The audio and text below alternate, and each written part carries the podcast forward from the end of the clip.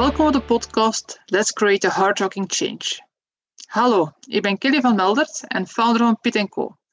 Pit Co is een coach- en consultancybedrijf waarmee dat ik mensen en organisaties help om hun missie in de wereld te zetten, on a hard rocking way. Dat is op een manier waarin dat mensen belangrijk zijn en al wat er in hun rugzak zit, en tegelijkertijd ook de focus ligt op doelen en resultaten. In deze podcast laat ik mensen aan het woord die een maatschappelijke impact creëren en hiervoor op een vernieuwende, niet alledaagse manier buiten de lijntjes kleuren. In al wat ik doe staat Groei door Connectie centraal. Dus contacteer me gerust met ideeën, inzichten of wanneer je in gesprek wilt gaan met mij of een van mijn gasten. Veel luisterplezier!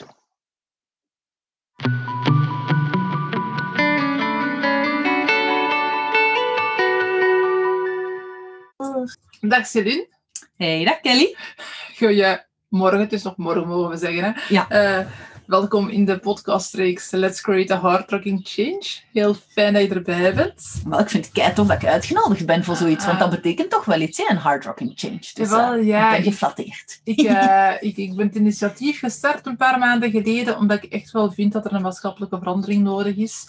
Uh, waarin dat mensen vanuit hun passie werken, durven te werken ook, en daar de moedige stap voor zetten om dat ook te doen. En ik denk dat ik u nu twee maanden ken ongeveer. We zitten samen met een BNI en ik hoorde nu daar bezig. Dacht van, maar die heeft het bereikt.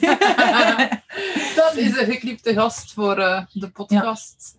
Ja. ja. ik ben het volledig mee eens. We moeten inderdaad een, een, een verandering creëren in de maatschappij. Ja. Er, moet, uh, ja. er mag heel veel veranderen nog in de goede zin. Hè? Dus stap voor stap werken we daaraan. Ja, en iedereen dat er... Uh, ja, toch wel die moedige keuze maakt om het effectief te doen. Dat is super knap. Hè? En ja. zodat allemaal vanuit onze eigen talenten en Ja. een drive gaan doen. Vooral dat je zegt, eh, die, die moedige verandering. Ja. Want degenen die dat doen, dat is echt niet zo, zo makkelijk. Je moet echt wel Ja. wat, Ja.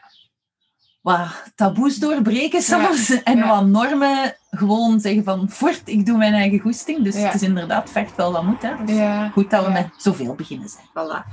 Ehm, het is ook de bedoeling dat mensen jou leren kennen. Hè? En ook jouw verhaal. Dus uh, Celine, ehm, jij bent een overvloedcoach. Ja. Wat betekent dat precies? Wel, ik help uh, mensen die het, uh, vooral ondernemers eigenlijk, die het hebben van geld als stressvol ervaren. Ja. En die dus die overvloed niet zien. Um, heel veel, er bestaan al heel veel coaches die rond geld werken, wat dat heel goed is natuurlijk, maar die focussen vooral op van hoe dat je eigenlijk kunt meer geld verdienen bij die Mhm. onderneming. Maar mijn specialiteit ligt eigenlijk bij degenen die geld hebben. Want het is niet omdat je geld hebt dat je daar comfortabel bij Mhm. voelt. Velen denken dat, van oh ja, als ik zoveel meer geld heb, dan zijn mijn problemen opgelost. Ja. Maar je blijft nog altijd jezelf. En als je dan nu dat veel geld hebt door een succesvolle onderneming, dan ben je daar al in gegroeid. En heb je daar al leren mee omgaan en heb je op zijn minst al bepaalde lessen gehad. Maar soms krijgen we dat ja, gewoon van, van de familie of van een erfenis, of, of stel dat je zelf de lotto wint. Mm -hmm. ah, ja. Ja. En dan is het van, dan moet je daar leren mee omgaan, want je bent daar niet gewend. Daar wordt ook heel weinig over gepraat, hoe dat je daarmee moet omgaan. En dan is het, ja, ik merk dat ik daar uh, ja, heel veel mensen mee kan helpen. Ja, wel, ik kan me dat wel voorstellen. Um, want ja, ik vind over geld in het algemeen hangt wel een beetje een taboe. Is dat bij ons Vlamingen of, of bij ons Belgen het geval? Uh, of is dat meer algemeen? Ik weet het niet. Um, maar, maar ja, daar wordt ook weinig over gepraat. Vind je niet? Ja, helemaal. En ja. dat is juist het probleem, is van we worden verondersteld te weten hoe dat we moeten omgaan met geld. Ja. Dus dat is één iets van, ja, we, we worden het niet aangeleerd. Op school wordt er heel weinig aandacht aan gegeven. Mm. Al, en thuis zie je gewoon ja, hoe dat je ouders dat doen, maar er wordt heel weinig over gepraat, mm. behalve misschien over zakgeld of zo, maar mm. niet, Mhm. niet echt ver. En um, het andere is ook dat we leven in een maatschappij dat heel erg focust op tekort. Ja. Van, er is niet genoeg en uh, de prijs moet zo laag mogelijk. Dat is precies een, een, een gesprek dat je moet hebben, dat je moet reclameren over de prijs van iets. Mm Waardoor dat eigenlijk... En ja, dat is, dat is op geldvlak, maar ik merk van, doordat we zo op tekort op geld zitten, dat we ook heel veel andere dingen niet zien. Dat, we gaan altijd eruit van, we moeten... Ja, ja, ik vind de woorden wat hebberig of egoïstisch, dat is het niet. Want dat is helemaal niet slecht bedoeld. Dat is Mhm. gewoon van nature uit van een beetje schrik hebben dat er niet genoeg gaat zijn. Ja. Ik denk dat dat wordt er een beetje ingeprent Be- Bedoel je ook zo van bijvoorbeeld succesvolle mensen die dat effectief wel wat geld verdienen, dat die misschien met een angst zitten van het is voor eventjes goed nu, maar je weet nooit wat er gaat gebeuren en Ja. daardoor zit ik ook op een rem. Veel mensen dat ik, ehm, dat ik spreek, vooral dan binnen de archetypes, daar gaan we het later nog Ja, wel over ja, hebben. Hè? ja. Maar je hebt mensen die gewoon heel veel schrik hebben om geld uit te geven, omdat ze van nature uit geloven in allee, angst hebben om tekort te hebben. Ja. En zo soms heel irrationeel, maar dat ze denken van als ik 1 euro uitgeef, dan is al mijn geld weg. Ja. Of dan beland ik morgen op straat. En dat is Ja. nu heel extreem getrokken, maar die gedachte, allee, die, die angst zit wel in hun zo. Dat is natuurlijk niet bij iedereen het geval, maar Nee, nee. we worden wel die richting uitgedreven van je moet altijd zien dat je in de solden gaat kopen en dat je koopjes doet en je moet onderhandelen om zo laag mogelijke prijzen. En vooral binnen het ondernemerschap, als ik zo berichten zie in een Facebookgroep van ik wil een website, maar het mag niet te veel zijn. Hè? Of wil er iemand gratis dat doen? Of ik doe gratis dat, want ik wil mensen helpen. Maar je mag ook Ja. geld vragen. Ja. Het is ook oké. Wel, bij de laatste wat je zegt van eh, het, het moet zo goedkoop mogelijk zijn, want ik wil graag mensen helpen. Ook die reden, dat is eigenlijk een van de redenen waarom dat ik u ook als gast vraag. Want de, de mensen die dat ik begeleid, ehm, zijn meer de types, eh, en ik ga ze nu gemakkelijk, gemakkelijkheidshalve, zowel de wereldverbeteraars Mhm. noemen, die dat echt eh, een maatschappelijke impact willen hebben, een, een, een, een ding echt willen veranderen, zeer mensgericht zijn. Ik vind dat er daar een beetje een taboe hangt over het soort geld verdienen. Ja. Precies alsof dat dan niet mag.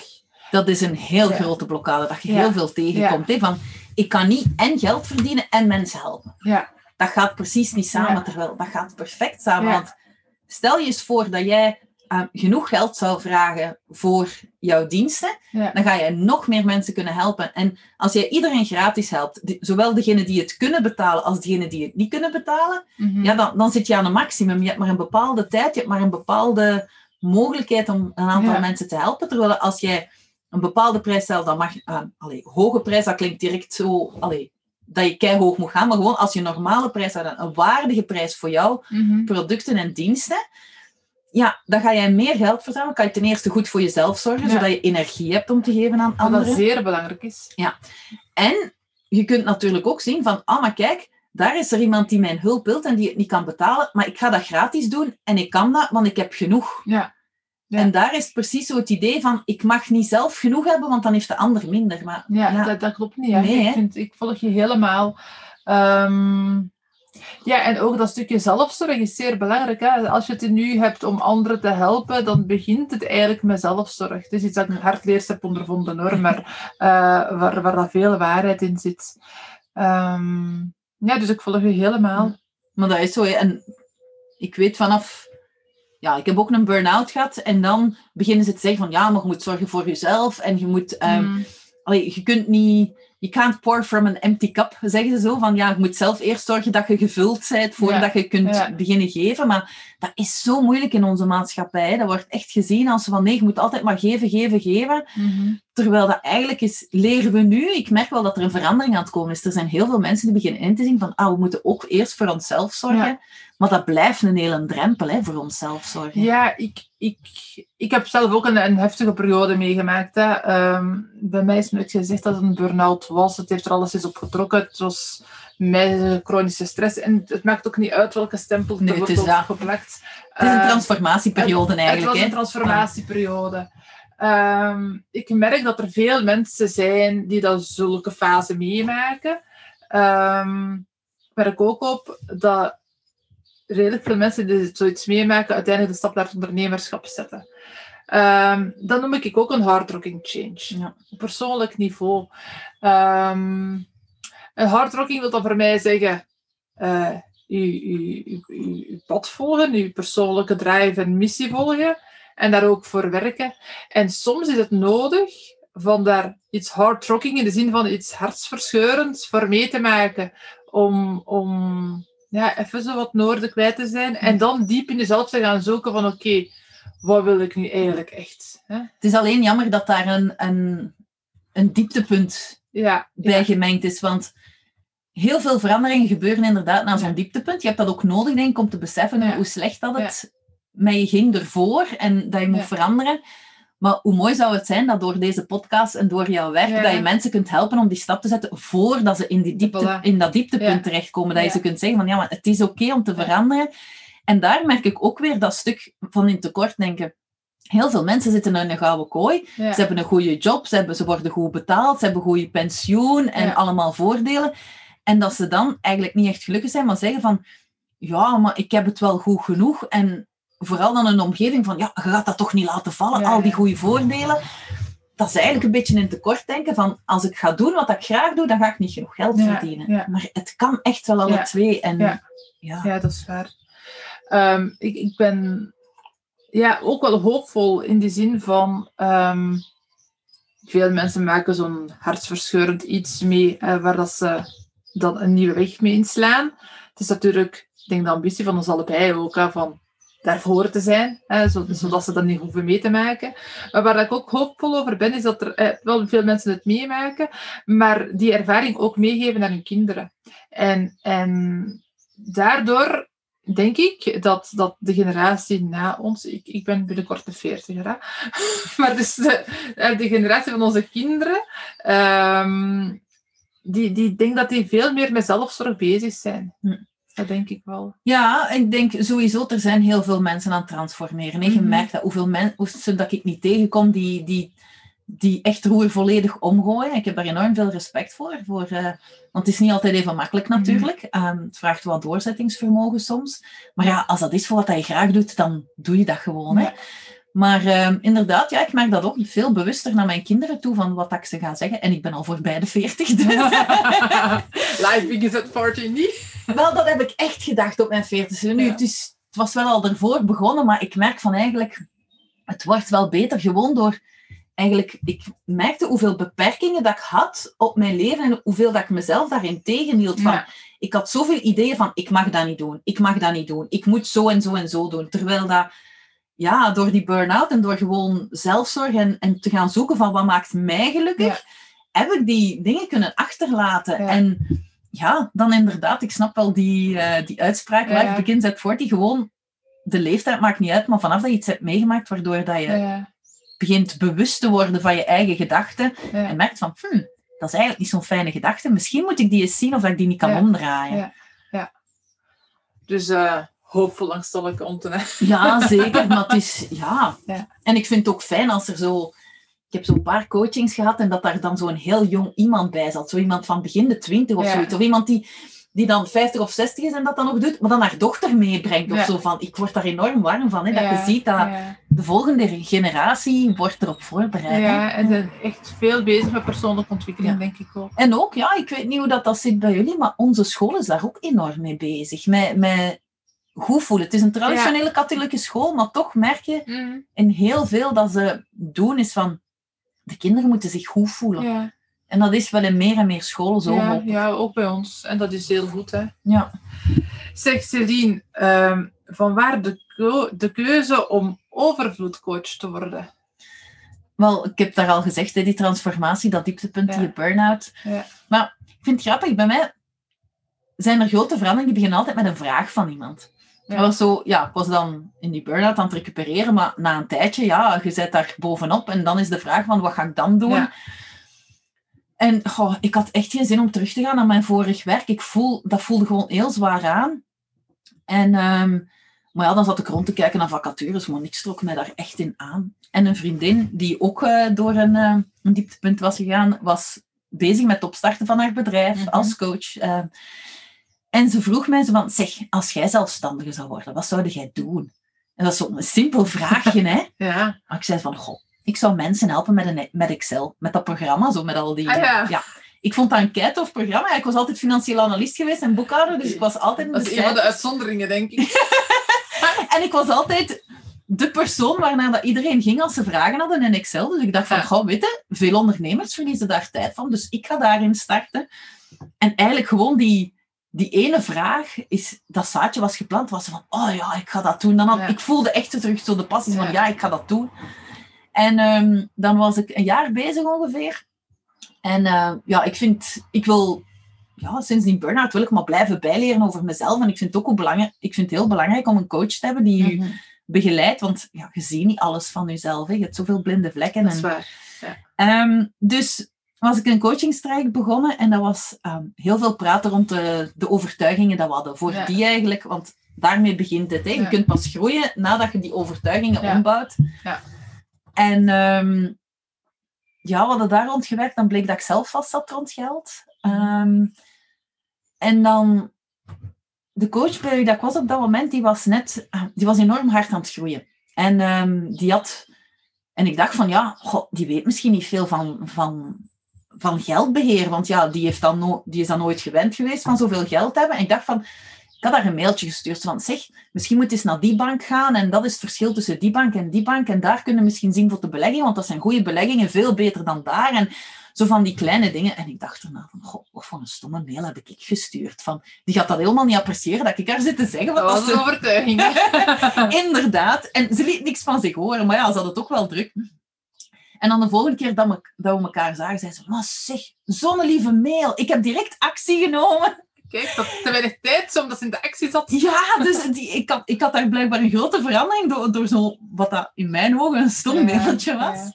En dan, ja, naarmate dat die coaching vorderde, zei ze op een bepaald moment van, maar zeg, zou jij geen geldmindset coach worden? Hmm. En dan besefte ik van, goh, dat klinkt wel goed eigenlijk Ja, zo. ja. En ehm, ja, ik ben daar dan ook direct mee aan de slag geweest. Ik heb dan direct de knop omgedraaid. Van ja, dat is het. Want ik wist Ja. dat er iets niet klopte Ja. bij dat Excel. was veel te rationeel. En ik Ja. was zo ondertussen echt... Ja. De eerste dat mij is- gevoelig noemde, heb ik eens goed uitgelachen. Maar dus nu moet ik wel mijn excuses aanbieden aan die persoon. Want ik merkte van, dat rationele, dat paste gewoon niet meer Nee. bij mij. Nee. Ja, en het is ook zo, van, van zodra dat je merkt dat je iets zonder moeite doet, hè, gewoon om, omdat je allee, dat zit echt in je talent. Hè. Ja. D- denk Maar ik, ik ja. wist dat dus niet, hè, want ik zei Dat is- altijd tegen mezelf, ik ben slecht met woorden. Ik kan niet goed met andere mensen omgaan. Ik ben niet goed... Allee, Dat zijn terwijl... veel overtuigingen. Ja. Ik noem ze kwelduiveltjes. ja, inderdaad. Maar dus in dat traject waren we nog met twee andere coaches. En Ja. ik begon die te coachen. Zo van, als mijn coaches zei, dan begon ik dat aan te vullen. En het was zo op de dure wisselwerking dat ik zo, zo achteraf dacht van... Hm, ik heb ook wel mee zitten... Dus dat was wel een, een heel mooi inzicht van... Ja. Eigenlijk, ik kan dat wel. Ja. Maar ik merk wel, ik, mag, ik moet opletten aan wie dat ik, met wie dat ik praat. Zo van, ik merk van mensen moeten ervoor openstaan. Want heel Ja. veel heb ik gepraat met mensen die er eigenlijk niet voor openstaan. En dan krijg ik deksel op mijn neus. En worden die overtuigingen even bevestigd. Ja. Maar, ja, dat zijn dan niet de juiste mensen. op nee, inderdaad. Maar dus dan moet moet je je- even de knop Ja, zeggen van, oké. Ja. Maar ehm, ja, je sprak er net over eh geldmindset coach, Mhm. maar nu noem je jezelf overvloed coach. Ja. Van waar dan die keuze? Ehm, ik denk van in het begin dat het eigenlijk een beetje nog de blokkade was op geld, moet ik Ja. toegeven. Als overvloedscoach, blokkade op geld. Ja, iedereen heeft blokkades. Gelijk Ja, waar je we staat. zijn allemaal niet perfect, ook de coaches Nee, niet. Inderdaad. Maar dus, en dat voelde ook te beperkt en ook een beetje hard zo. Ja. Ehm, ja, ik weet niet waarom. Dat, dat was zo'n gevoel dat ik had. En overvloed klonk voor mij veel meer passend in de energie dat ik Ja. wil verspreiden. Zo. En omdat het niet alleen gaat over geld. je hebt, als jij niet ziet hoeveel geld dat je hebt, ga jij ook niet zien hoeveel vrienden dat je hebt. Hoeveel mensen dat je hebt dat je kunt vertrouwen. Hoeveel klanten dat je hebt die jou echt graag zien. Hoe krachtig dat de natuur Mhm. is. Ik zag gewoon zoveel overvloed op zoveel verschillende plaatsen en niet enkel op mijn bankrekening. Nee, En toen dacht ik van, daarom moet het overvloedscoach Ja. zijn, omdat dat breder het is. gaat over meer dan dat. Ja. Het is. Ja. Maar dat is dan weer, daar loop ik dan ook weer tegen iets aan. Mensen hebben daar precies een negatieve connotatie mee met dat woord overvloed. Ik weet niet hoe dat jij daarover denkt. Nee, ik, ik, heb, ik heb daar geen, geen eh, negatieve connotatie bij. Maar dat is ook omdat ik al een Ja. traject heb, heb Maar sommigen denken dan van dat is te veel.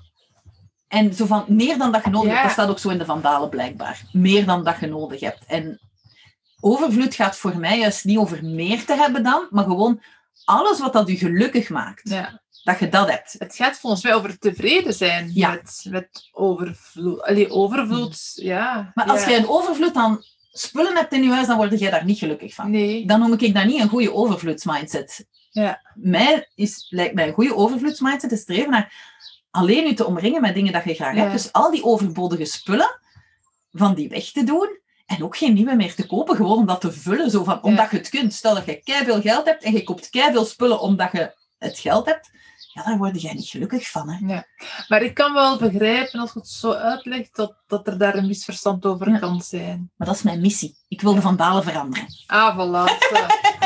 voilà. Zoals ik ook de missie heb van soft skills uit de softe sfeer te halen. Echt waar. goed. Ja, ik heb er ook een ander woord voor. Niet uitgevonden, ik heb het ergens tegengekomen, maar sindsdien gebruik ik het gewoon. In plaats van soft skills noem ik het core skills. En core staat voor Competence in Organizational and Relational Effectiveness. Maar gewo- gewoon Ja. core. Ja, ja, Het is ja. de basis. Het is de basis. het een... Ja, stel je voor dat je... Ik denk dat ik het ook in het gesprek met Joost Selijn. Ziet, als ik het twee keer zeg, dan is het wel belangrijk. Hè? Als je een functioneringsgesprek doet met mensen... En ik, vind, ik hou ook niet van het woord functioneringsgesprek. Maar iedereen weet wat ik ermee bedoel. Eh, en, en er wordt tegen mensen gezegd van... Oh, je zegt goed in soft skills. Ja. Ja, ja, dat is goed. Dan, dan, ja, oké. Maar als je tegen mensen zegt... Jij bent sterk in de core skills, dat geeft toch wel een andere dekking. Hè? Ja, ik Want voel het dat- direct zo van, ja, eigenlijk, dat, dat Ja. hoor ik veel liever. En Ja. soft, dat is ook zo precies van, Softie? ja, inderdaad. Terwijl dat, sorry, maar we mogen echt wel met heel de wereld een beetje dichter bij ons gevoelens komen. hè? Allee. ja, ja. Dus vind ik core een heel goed woord. Dus ja, Oké, al, allebei op missie. Hè. Ja. Daarom dat we hier ook samen zitten. natuurlijk. Inderdaad. Eh, wanneer ben je nu gestart eh, eh, met die onderneming? Ik ben gestart oktober 2016 als Excel-consultant. Ja. En ik heb de switch gemaakt, denk ik, 2018 ergens. Ik weet het niet meer precies. Nee. Dat is zo niet, Ja. want je gaat naar dingen in je ondernemingsterm registreren, dat weet ik nog, maar Ja. nee, ongeveer dan. Maar, maar hoe zag uw parcours eruit als ondernemer? En ik bedoel daarmee van, ehm, ik zal het anders formuleren. Veel mensen die dat wel zo'n droom hebben, eh, durven niet. Hè? ehm, omdat ze een aantal blokkades hebben. Ehm, en maar ik merk ook dat voor veel mensen het ondernemerschap ook niet evident is. Nee. Het is dus ook een stukje doorzetten. En daar ben ik ook wel geïnteresseerd van, eh, wat is uw verhaal op dat vlak? Wel, ik merkte van toen dat ik ehm, mij als Excel-consultant moest verkopen, dat ik er geen probleem mee had met zichtbaar te zijn Ja. op social media en zo. Iedereen was- weet wat Excel is natuurlijk. Hè? Ja, het is dat. En dat was ook zo makkelijk van, oh kijk, ik kan daarmee spelen. En dat voelde gewoon goed aan. Ja. En makkelijk. Maar dan, dan ging ik eh, overvloedscoach worden. En dan merkte ik, omdat dat zoveel dichter bij mezelf lag, kwam mijn gevoel dat ik daar toch wel... Ja, daar heb ik toch wel moeten door, Ja. allee, doorzetten om zo dat te durven zeggen. Af en toe de rebellen mij naar boven halen. Van, ik moet dat wel degelijk naar buiten brengen. Ja. Maar dus het vergt, ik vind het vergt veel meer moed om naar buiten te komen als overvloedscoach dan als. Excel-consultant. Dus, eh, omdat ja, je zit met je eigen issues en het is niet omdat ik die heb dat dat, dat allemaal zo slecht is ervoor. Het is Nee. maar ik heb gewoon heel veel geleerd en ik wil gewoon mensen daar, eh, Mhm. daarmee helpen. Dus dan heb ik wel zo lang, lang aangemodderd eigenlijk een Ja. beetje. Zo van ehm, moeilijk durven mijn aanbod te doen en Ja. zo. En ook wat, wat zoeken van wat kan ik precies aanbieden. Want Excel dat is op maat, dat is gewoon dat bedrijf heeft dat nodig en je biedt een oplossing. Maar ja, bij dat overvloedscoachen en ja, het was dus best een beetje zoeken. En ik had ook, ik dacht ook heel veel van de anderen doen dat zo, een marketing, dus ik moet dat ook zo doen. Mhm. En ik volgde heel veel cursussen van hoe dat ik moest verkopen. En, maar dat matchte allemaal niet met mij eigenlijk. Van, ik vond dat heel moeilijk. Dus daar heb ik wel even in vastgezeten. Ehm, maar nu heb ik eindelijk coaches gevonden die, die afgestemd zijn op wat ik nodig heb. Die Ja. niet standaard zeggen van, als je dat doet, dan gaat het dat krijgen. Nee, zo van, wie zeide jij? Wat voor een, hoe dat jij je boodschap moet brengen? En ze merken van, ja, met dat ik dan zelf ook met die archetypes bezig ben, is ik merk hoe anders dat we allemaal zijn. En wat dat voor de ene coach werkt, werkt niet voor de andere coach. Ja. Allee, en wat voor de ene ondernemer werkt, werkt niet voor de andere. En heb ik vooral gemerkt, ja, ik, ik zat een beetje... Ik had dan die coaching gevolgd, waar dat ik dan overstap deed naar overvloedscoaching. En ik vond dat heel knap wat dat zij aan het doen was. Ik had heel veel respect voor al het werk dat zij deed en de energie die zij daarin stak. En de transformaties die zij onderging. En ik dacht van, als ik doe zoals haar, dan ga ik daar ook graag. Maar ik kon dat niet. Nee. Ik was echt uitgeput na een dag en ik had geen fut om van alles te doen. En ik voelde mij eigenlijk een beetje falen, omdat ik dat Mhm. niet kon doen zoals zij, terwijl dat zij slaagde daar wel in. Maar nu merk ik van, ja nee, binnen die archetypes is zij gewoon iemand anders, heeft heel veel Ja. energie. En ik ben iemand die niet veel energie heeft, maar ik heb een heel andere boodschap en een Ja. andere manier van ondernemen. En Ja. dat is oké, maar ik, ik, en ik denk dat heel veel ondernemers nog proberen te denken van, ah, als ik doe zoals die, dan gaat dat, dan gaat dat lukken. Maar je moet, En, het gaat hem eigenlijk over authentiek jezelf zijn. En, en u ook op die manier in de wereld te zetten. En, en daar liet ik mij nog te veel Ja. beïnvloeden door anderen. Uit, uit onzekerheid Ja, ook. ja, Hè, van, en ook, ja, Heel veel mensen maken dat mee. Ja, ik, ik zeker ook hoor. En ik denk ook, ja, als je dan inderdaad denkt van, ik, als je je laat omringen door heel veel mensen die zeggen van, je mag geen geld verdienen met wat dat je doet, je moet mensen helpen, die, al, Ja, allee, dat is allemaal goed bedoeld, maar ja, ja. Ja, Dan gaan we dat het- geloven, hè. Het, het, het komt erop neer, denk ik, in het ondernemerschap, dat je je laat omringen met mensen die je versterken. en die En- snappen dat iedereen anders En die is. snappen dat iedereen anders is en die dat ehm, ja, ook eens zo complementair zijn. Ja. Die, durven te zeggen van wat dat je daar denkt, die denkt niet dat dat helemaal klopt. Ja, Ehm, maar u dan ook helpen om daar een, een betere oplossing voor te vinden. Ehm, maar wel, zo- zolang je niet bij jezelf blijft. Hè.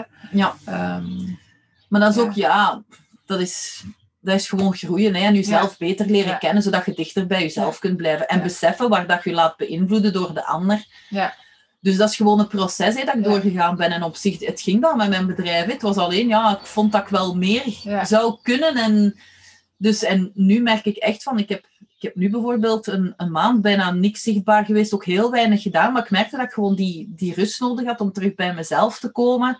Helemaal te zoeken van, waar, wordt, waar krijg ik energie van en wat kan ik aan? Ik ben iemand, ik kan niet een hele dag werken. Dat is, ik heb nu trouwens beslist sinds vorige week dat ik maar maximum halve dagen werk. En die halve dagen, dat is niet vier uur, dat is twee, drie uur. Zo. En dan ja. Ja. in de namiddag misschien nog een keer een gespreksje met iemand of eventueel eh, ehm, en, eh, wat op social media of zo. Maar wil... Dat eigenlijk ook werken is, maar dat voelt voor u niet als werken. Nee, het is dat. Want voor sommigen voelt dat werken. Hè? En dan is... Maar dus, eigenlijk vorige week heb ik niks gedaan in de namiddag. Ik heb echt gewoon puur voor mezelf Ja. gezorgd. En Maar eh, vorige week waren jij wel online aanwezig, hè? dat kan, ik weet dat zelf niet. Ah, ja, ja, ja, ja. Ik, ik, Ik heb- kijk heel vaak naar uw stories. en Jongens, hier. Ah, ja, ja. Ik denk dat ik woensdag en vrijdag een story heb gezet, maar voor de rest niet. Enfin, alleszins, Ja. mensen die je volgen gaan niet het idee hebben van... Nee, het is dat. Maar, ze heeft een weekje of een maand Ja. Terug te ja. Ja. En ik merk nu dat dat mij heeft deugd gedaan, omdat ik nu snap van, oké, nu ben ik mezelf en nu kan ik zien van, Hmm. het is eigenlijk altijd grenzen bewaken. Hè? Ja. En, ja. eh, ja.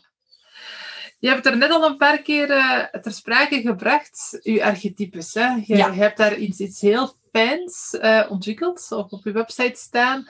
En ik heb eh, onlangs ook de quiz gedaan. Dus er is een quiz dat op je website staat om Ja. te ontdekken welk archetype je bent op vlak van geldmindset. ja, in het, relatie met jouw? Ja, geld. ja. Eh, Vertel daar een keer iets over, want ik denk dat mensen wel benieuwd zijn en, en het dus ook gewoon kunnen doen op jouw website. Hè? Ja. Wel, eh, dat is eigenlijk een Amerikaanse die dat heeft eh, ontwikkeld. Dus eh, ik heb dat gewoon overgenomen. Ik heb daar een training voor gedaan. We hebben daar heel veel coaching rond gekregen van hoe dat we op basis van die archetypes kunnen coachen naar een eh, goede geldmindset. Maar eigenlijk is dus, ja, er zijn acht archetypes in relatie met geld. Ja. Ehm, hoe dat jij omgaat met jouw geld. Daarmee dat ik ook al merk van, niet iedereen is hetzelfde. Dus dat, dat heeft voor mij ook weer een... Je hebt zo de grote hard rocking change, maar dat was een kleine hard rocking change. Maar het was nog altijd hard ja, ja. rocking, want ik besefte van, ah, ik ben zo'n type en ik ben helemaal niet zo'n type. Dus Ja, dat, dat verschil zo. Dus, maar je hebt er acht en je hebt bijvoorbeeld de romanticus. Dat is iemand die, eh, die gemakkelijk geld uitgeeft, die geniet van alles wat dat, eh, geld kan kopen, die gelooft in overvloed en gewoon wilt genieten van het leven. Dat is echt een levensgenieter. Mhm. Zoals ik dus. en ik voelde mij daar... De eerste keer dat ik dat hoorde was... Genieten is mijn talent? Dat kan toch geen talent zijn? Dus ik... daarmee dat Ja. dat de hardworking change was, omdat ik het echt heb moeten aanvaarden Ja. en zien van, ah ja, ik geniet en niet iedereen kan dat zomaar. Nee, nee. Maar ja, elk archetype heeft ook wel, allee, dus heeft zijn talenten, maar ook wel zijn werkpunten. En bij mij was dat van, ik geef nogal makkelijk geld uit als ik mij niet goed voel, als, als zo'n romanticus zo'n beetje zich minder waardig voelt, dan, of niet goed in zijn vel, dan kan die gewoon even nood hebben aan geld Ah, uitgeven. Ja. Ja, waardoor dat ook niet echt, allee, als je te veel in, in die situatie zit, is het niet echt een, ja, dan gaat het failliet.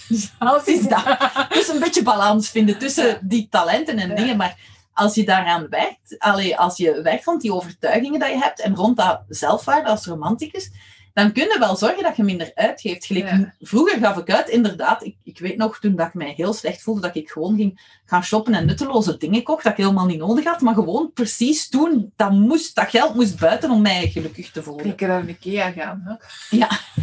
Maar dus door nu te werken aan mijn zelfwaarde, merk ik van, ah, ik ben zo en dat zijn mijn talenten en zo, kan ik zien van, ik heb eigenlijk dat niet meer nodig om veel geld uit te geven. Nee.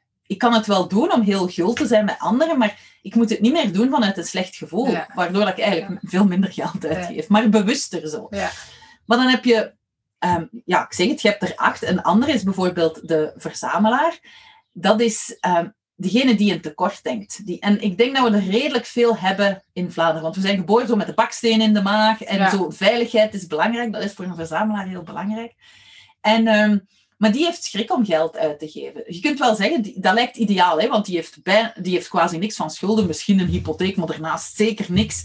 En ehm, dat spaargeld, dat groeit en groeit en groeit. En je Ja. zou denken, een ideale situatie.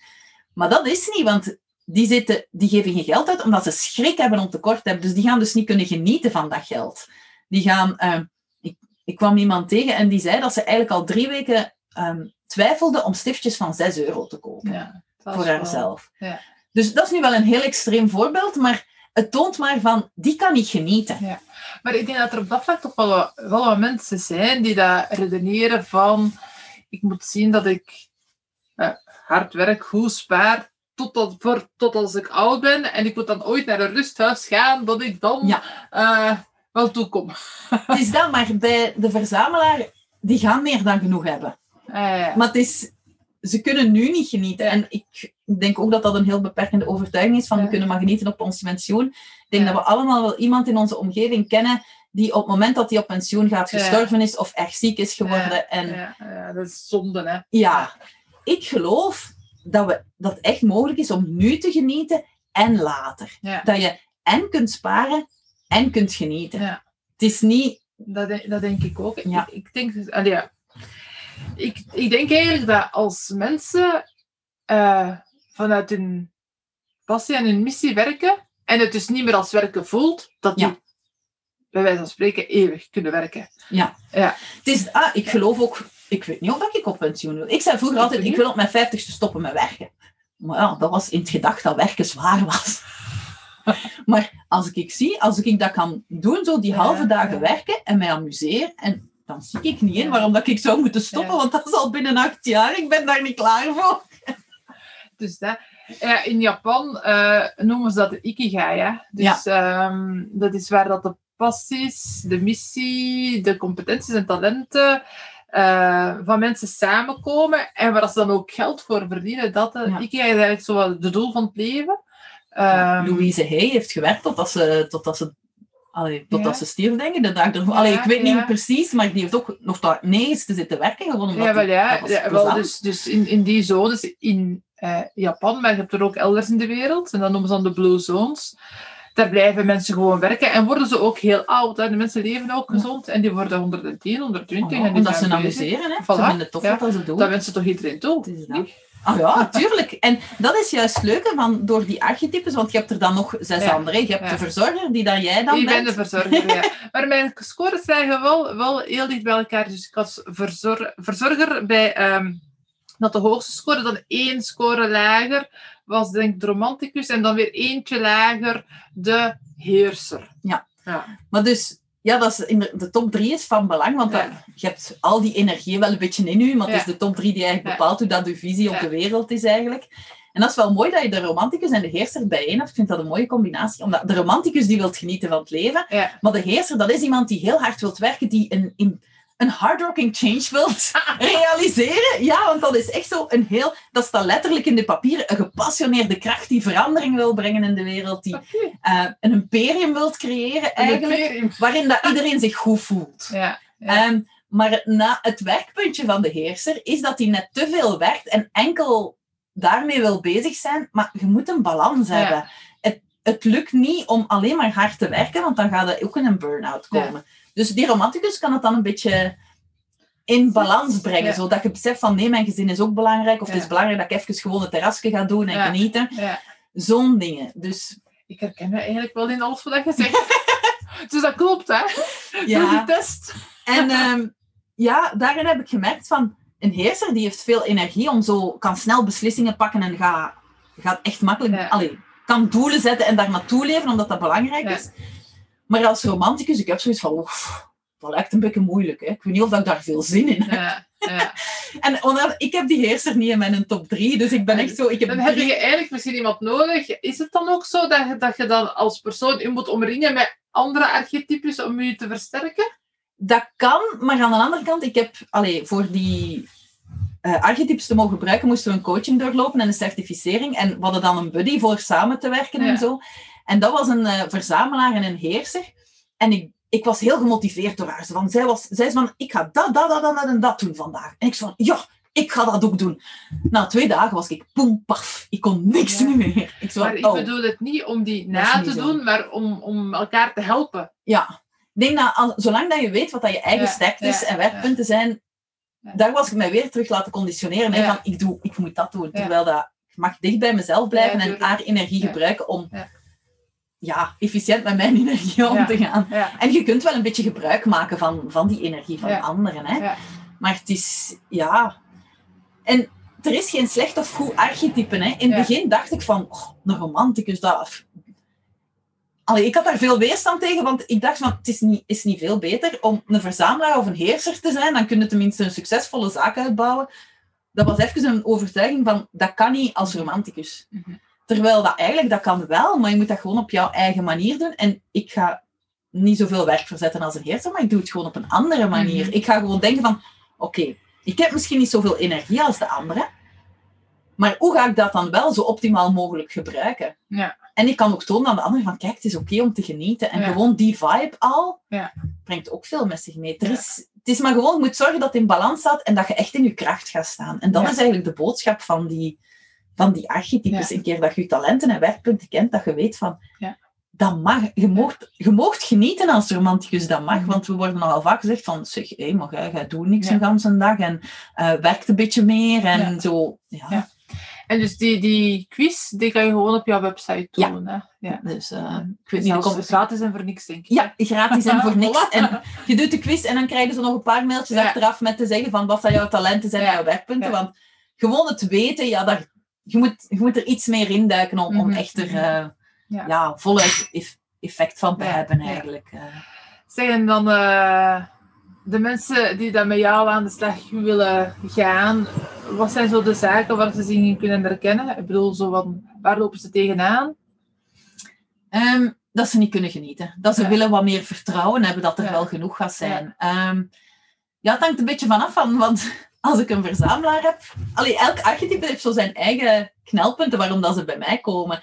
Een verzamelaar gaat bijvoorbeeld denken van, ik wil een beetje meer van dat positivisme dat jij zo hebt. Ja. Dat, dat jij vertrouwen kunt hebben dat het allemaal wel goed komt. Want er staat wel kei veel geld op mijn bankrekening, maar ik voel me daar helemaal niet veilig van. En als dat onder die bepaalde drempel gaat, dan begin ik in paniek te schieten. En ze van, ja, en van waar haalde je al die... Allee, hoe kunnen we een continue stroom van klanten hebben? Terwijl dat hem dan twee seconden later zou zeggen van, ja, maar ik heb, eh, ik heb een wachtlijst van drie maanden. Ja. Dan zijn ze van die mensen die eigenlijk Ja. niet zien wat dat er al is. En dat je een beetje helpt van te zien. Dat is eigenlijk heel stom, hè? Maar dus te zien wat dat er is. Onafhankelijk van welk archetype mensen Ja. zijn, En iedereen helpt je op de... ja, voor te zorgen dat die, Dat dat die gedachten in balans zijn. Want een romanticus, daar ga ik niet moeten aan zeggen van je moet wat meer genieten en wat meer vertrouwen Ja, dat er genoeg zijn. Nee, Een beetje minder. ja, een romanticus moet zorgen dat hij ehm, een goede financiële basis heeft om te zorgen dat je altijd kunt genieten.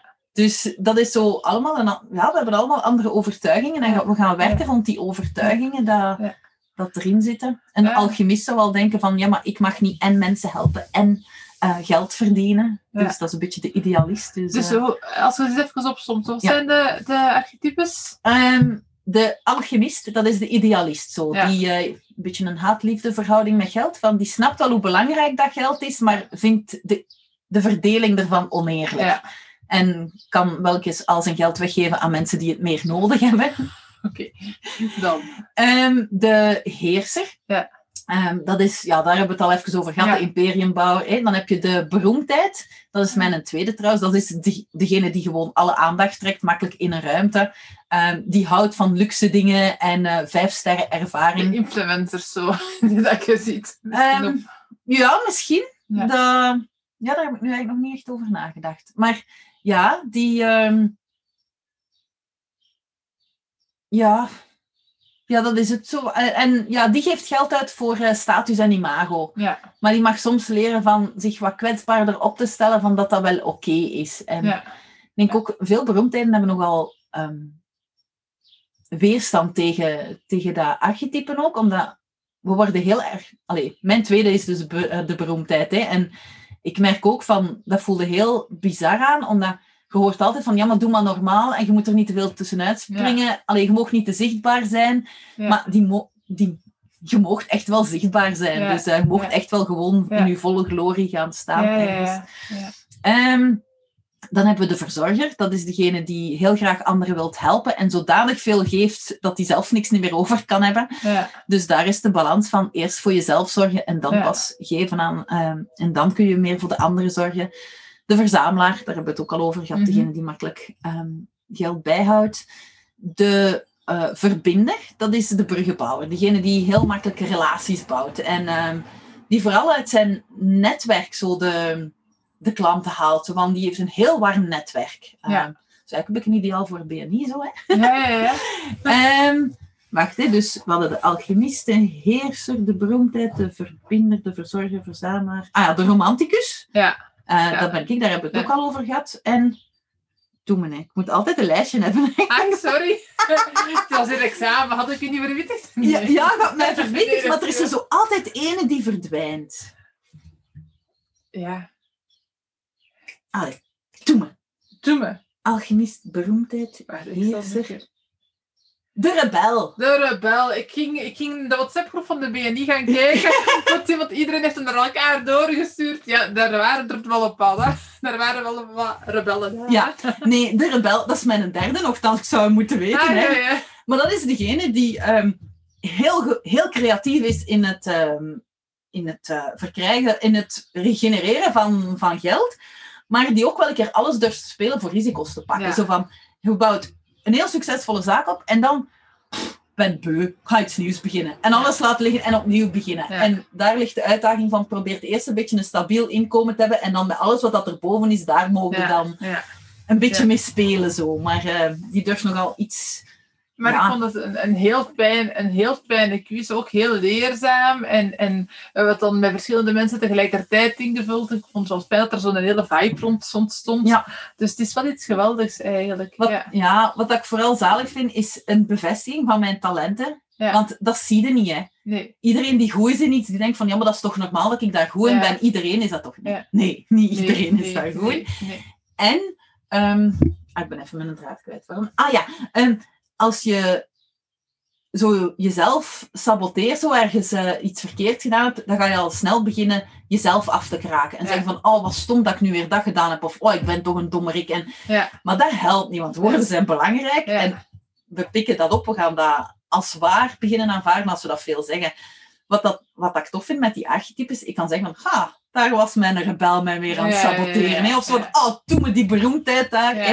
Dat je het zo een beetje bij de archetypes legt, waardoor dat minder in jezelf zit en dat je minder jezelf naar beneden haalt. Ja. En dat is heel belangrijk, want Ja. we zijn allemaal evenveel waard. Ja, De waar. ene is niet beter dan de andere en hoe meer dan we onszelf afkraken, hoe meer dat we dat geloven. Hè.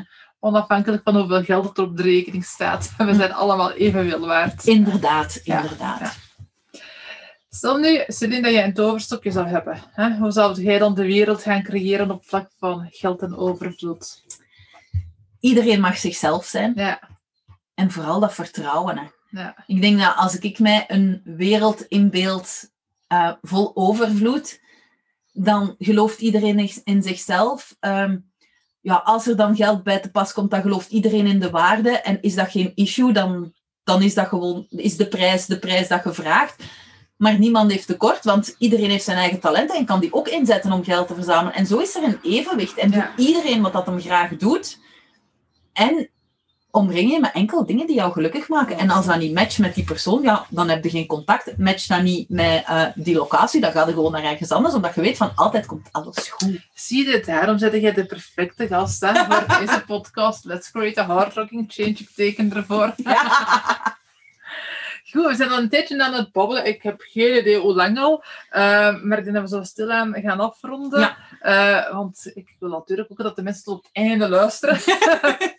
uh, ja, groei door connectie is mijn motto. ik geloof erin dat iedereen elkaar altijd kan verder helpen, op welke manier dan ook. En dus iedere podcastgast die... ik ben onder de indruk dat het er vlot uitkomt, podcastgast. die stel ik bij het afronden drie dezelfde vragen. Dus ook aan u. Ja. En welke drie inspirerende inzichten die jij in je ondernemerschap hebt ervaren, wil jij meegeven aan de luisteraars? Ik val in herhaling. Uh, blijf jezelf. Mm -hmm. Ken jezelf. Mm -hmm. um, drie, hè. En zie wat dat er is. Ja. Want heel vaak zien we alleen wat dat er niet is. Ja. En het is heel belangrijk om ook een beetje verder te kijken. Ja. Van, er is al heel veel Ja. en vertrek daaruit. Ja, ja, dat vind ik een hele mooie ook. Ja, inderdaad. Ja, dat is eh, ja, heel, heel knap. Zoals zelf al zit je bijvoorbeeld in de put. Je moet nu gewoon eens luisteren naar die podcast. Ik weet niet of dat je het hoort, maar hier zijn dus veel vogeltjes aan het kletteren. Hè? Ja, ja. En gewoon dat al, daar, daar word je gewoon intens gelukkig van. Stel dat ik nu een kei slechte dag zou hebben, wat dat niet het geval is, want ik zit al super vrolijk vanaf dat ik opstond. Maar dan ga ik gewoon even gaan luisteren Ja. en kijken en dan denk ik van, er is eigenlijk wel veel. Ja, ja. Ja. En soms zien we dat niet meer. Dus het is goed dat je ons daar echt allemaal nog eens op patent maakt. Ja. Ja, kijk naar wat er is. En ook wat dat je echt van, van talent hebt en wat dat je goed doet. Hè. Ook al is misschien nu even een, een pittige periode. Ja. Ja. En wel, ik, ik wil een uitdaging geven aan de podcastluisteraar. Ah, ja, graag. Gelijk waar dat je nu zit te luisteren, of staat te luisteren, of wat dan ook. Noem dus vijf dingen die er nu al zijn, die nu al goed zijn in je leven. Ja, Ik denk dat dat wel al een mooie vraag is om Ja. over na te denken. ja. En stop niet bij vijf. Als je nog inspiratie hebt, doe maar door. Een heel mooie. Ja, ik ben ook benieuwd. Ik zou wel heel graag hebben dat mensen daar ook reacties op geven. Ja. Ja het zou wel tof zijn. Ja. Ehm, ja, groei door connectie werkt in verschillende richtingen. Dus je hebt nu al heel veel informatie, input, inspirerende inzichten gegeven aan anderen, eh, die dan hopelijk ook voor hen heel waardevol zijn. Eh, maar het is ook omgekeerd. Ehm, dus ook mijn vraag aan jou. Welke zaken zouden u nu zelf in uw ondernemerschap kunnen verder helpen? Mhm. Dat is een goeie. Want Wie weet zijn er luisteraars of zo die zeggen van, ah, maar ik weet. Goh, wel, ik heb vooral gemerkt van, dat was iets wat dat weer met die archetypes ook kwam daarin voor in die cursus van ehm, hoe dat je, allee, hoe dat je een romanticus of een beroemdheid als klant gelukkig moet maken. En ik vond dat eigenlijk wel belangrijk, omdat ik van, daar let ik nog niet genoeg op. Voor mij, ik wil dat mijn leven en mijn onderneming gemakkelijk zijn. Ja. Ik wil dat alles makkelijk is. Dus hoe makkelijker dat je het mij kunt maken, hoe beter. Ja, Dus als jij de tip hebt om mijn onderneming vlotter te laten lopen, zo van, jij maakt, eh, ja, ik weet niet, nu, nu is dat, iemand is bijvoorbeeld, ik heb zelf ook een podcast, iemand is die nu eh, voor het moment aan editen, zodat ik, Mhm. want er was zo heel veel echo op en die is het allemaal aan het wegfilteren. Ik ga iemand hebben die eh, de blogs ervoor schrijft en social media posts, dat zijn allemaal dingen, van, dan moet ik dat niet meer doen. Dus als je nog iets weet daarnaast, dat het ondernemerschap of het leven gewoon makkelijker zou maken, ja. dan mag je mij dat altijd laten weten. Is er iets concreet waar je aan denkt? Ga- niet direct van, ik heb net die, die stap Die- gezet, van. Van, van die Ja. podcast, voor dat zoveel makkelijker te laten verlopen. Dus ik vind het moeilijk om nu ze direct te Ah, ja, vragen. maar ja, kijk. Ja. Maar een keer dat, dat dat in orde is, kan ik wel. Ja, ja, maar het is ook belangrijk van u te laten omringen. Hè. Het is dat. Maar ja, en misschien zijn er dingen dat ik nog niet aan gedacht heb, want ik heb ook maar mijn beperkingen. Ik heb, dat zie ik van, oké, dat loopt niet zo goed, dat zou beter kunnen, want er zijn veel dingen die niet goed lopen, dat ik misschien nog niet eens door heb. Ah ja, kijk, dus als iemand iets opwerkt... En een huishoudster twee dagen per week, eh, twee uur per dag. Dat lijkt mij zalig. Twee uur per dag. Ja. Oké. Niet zo ene keer een halve dag Maar- voor heel je huis te maar zo Ja. elke dag zo voor de was en de keuken te doen en dan nog op een paar ruimtes zo. Oh, dat lijkt mij zalig. Oh, kijk, ja, wie weet, wie weet, als er iemand eh, weet bij wie dat ze in terecht kan. Uh, of haarzelf kan verder helpen. Ik had precies ook nog een blokkade om het te uiten zo. Ja, wel, ik, ik, ik, ben natuurlijk ook een coach, dus ik moet wel zo even doorvragen. Ja, dus dank je voor deze extra, voor dat duwtje om het uh, openbaar te maken. Oké, dan mijn laatste vraag. Wie mag ik met jouw complimenten eens uitnodigen voor een volgende podcast? En wel, dat vond ik een hele moeilijke. Want er zijn zoveel mensen die, ja. Die mij zo geïnspireerd hebben. Mhm. dus, um, dus het was even nadenken. Dus ik heb besloten dat ik voor Katrien van Kampenhout ga. Katrien van Kampenhout? Die naam zegt mij niks. Die, um, dat is een ik ging zeggen kindercoach, maar dat klopt het niet. Het is een coach die eigenlijk helpt om um, ouders van kinderen tussen 6 en 11 jaar, denk ik, uh, hun talenten te ontdekken, zodat ze veel meer zelfvertrouwen hebben. En ik vind dat echt een hardrocking change, omdat het is wel de volgende generatie. Hè? Ja, ja. Um, dat die zich beter in hun vel voelen. En hoe zalig zou het zijn als alle kinderen tussen 6 en 11 jaar leren hoe dat ze hun eigen sterktes en, um, ja. en valkuilen weten. En dat ze ja, dat kunnen inzetten voor hun zelfvertrouwen, dat die faalangst er niet meer zit. Ik krijg er kippenvel van. Ja! ja, oh, ik, ik ken dat helemaal niet, maar het komt natuurlijk ook weer zo een beetje dicht bij, bij mij in de zin van ja, wat ik in mijn vorige job altijd gedaan heb. Hè. Dat was ja. bij kinderpreventie en dan uh, ja, ook een hele tijd als directeur en, en een van de drivers om te doen wat ik daar toen deed, hoe pittig dat het ook was, was eigenlijk om echt meer kansen te gaan creëren voor kinderen. Hè. Ja. Dus uh, ik ga heel graag met ja. contact opnemen. Zeker doen. Het, is, het zal een leuk en mooi gesprek worden. Ja, ik, ik denk het ook wel. Dankjewel uh, voor, voor uh, de podcast, de vele vragen die ik heb mogen stellen en ook de ja. heel inspirerende antwoorden die je gaf. Ah, wel, ik vond het een kei tof gesprek. Ik ben super blij met mijn ochtend. Hoe wordt het nog beter dan dat? Ah, voilà. Dat zijn ook vragen die ik mij stel. Zonder te antwoorden. Hè? Gewoon om te weten van er is nog meer mogelijk. Voilà. Dankjewel. Celine. Dag.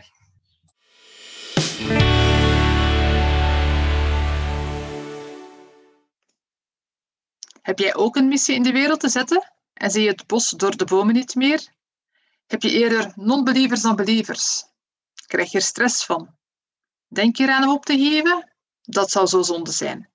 Neem zeker contact op en ik bekijk graag met jou hoe dat jij toch jouw impact kan realiseren on a hard rocking way. Samen gaan we grenzen verleggen. Contacteer me op het nummer 0478 91 88 11 en vanuit Nederland moet je er ook nog plus 32 voor typen of stuur mij een mailtje op kelly.vanweldert.pitco.be. Tot binnenkort! Denk je, dit was een leuke podcast? Deel hem gerust op je social media.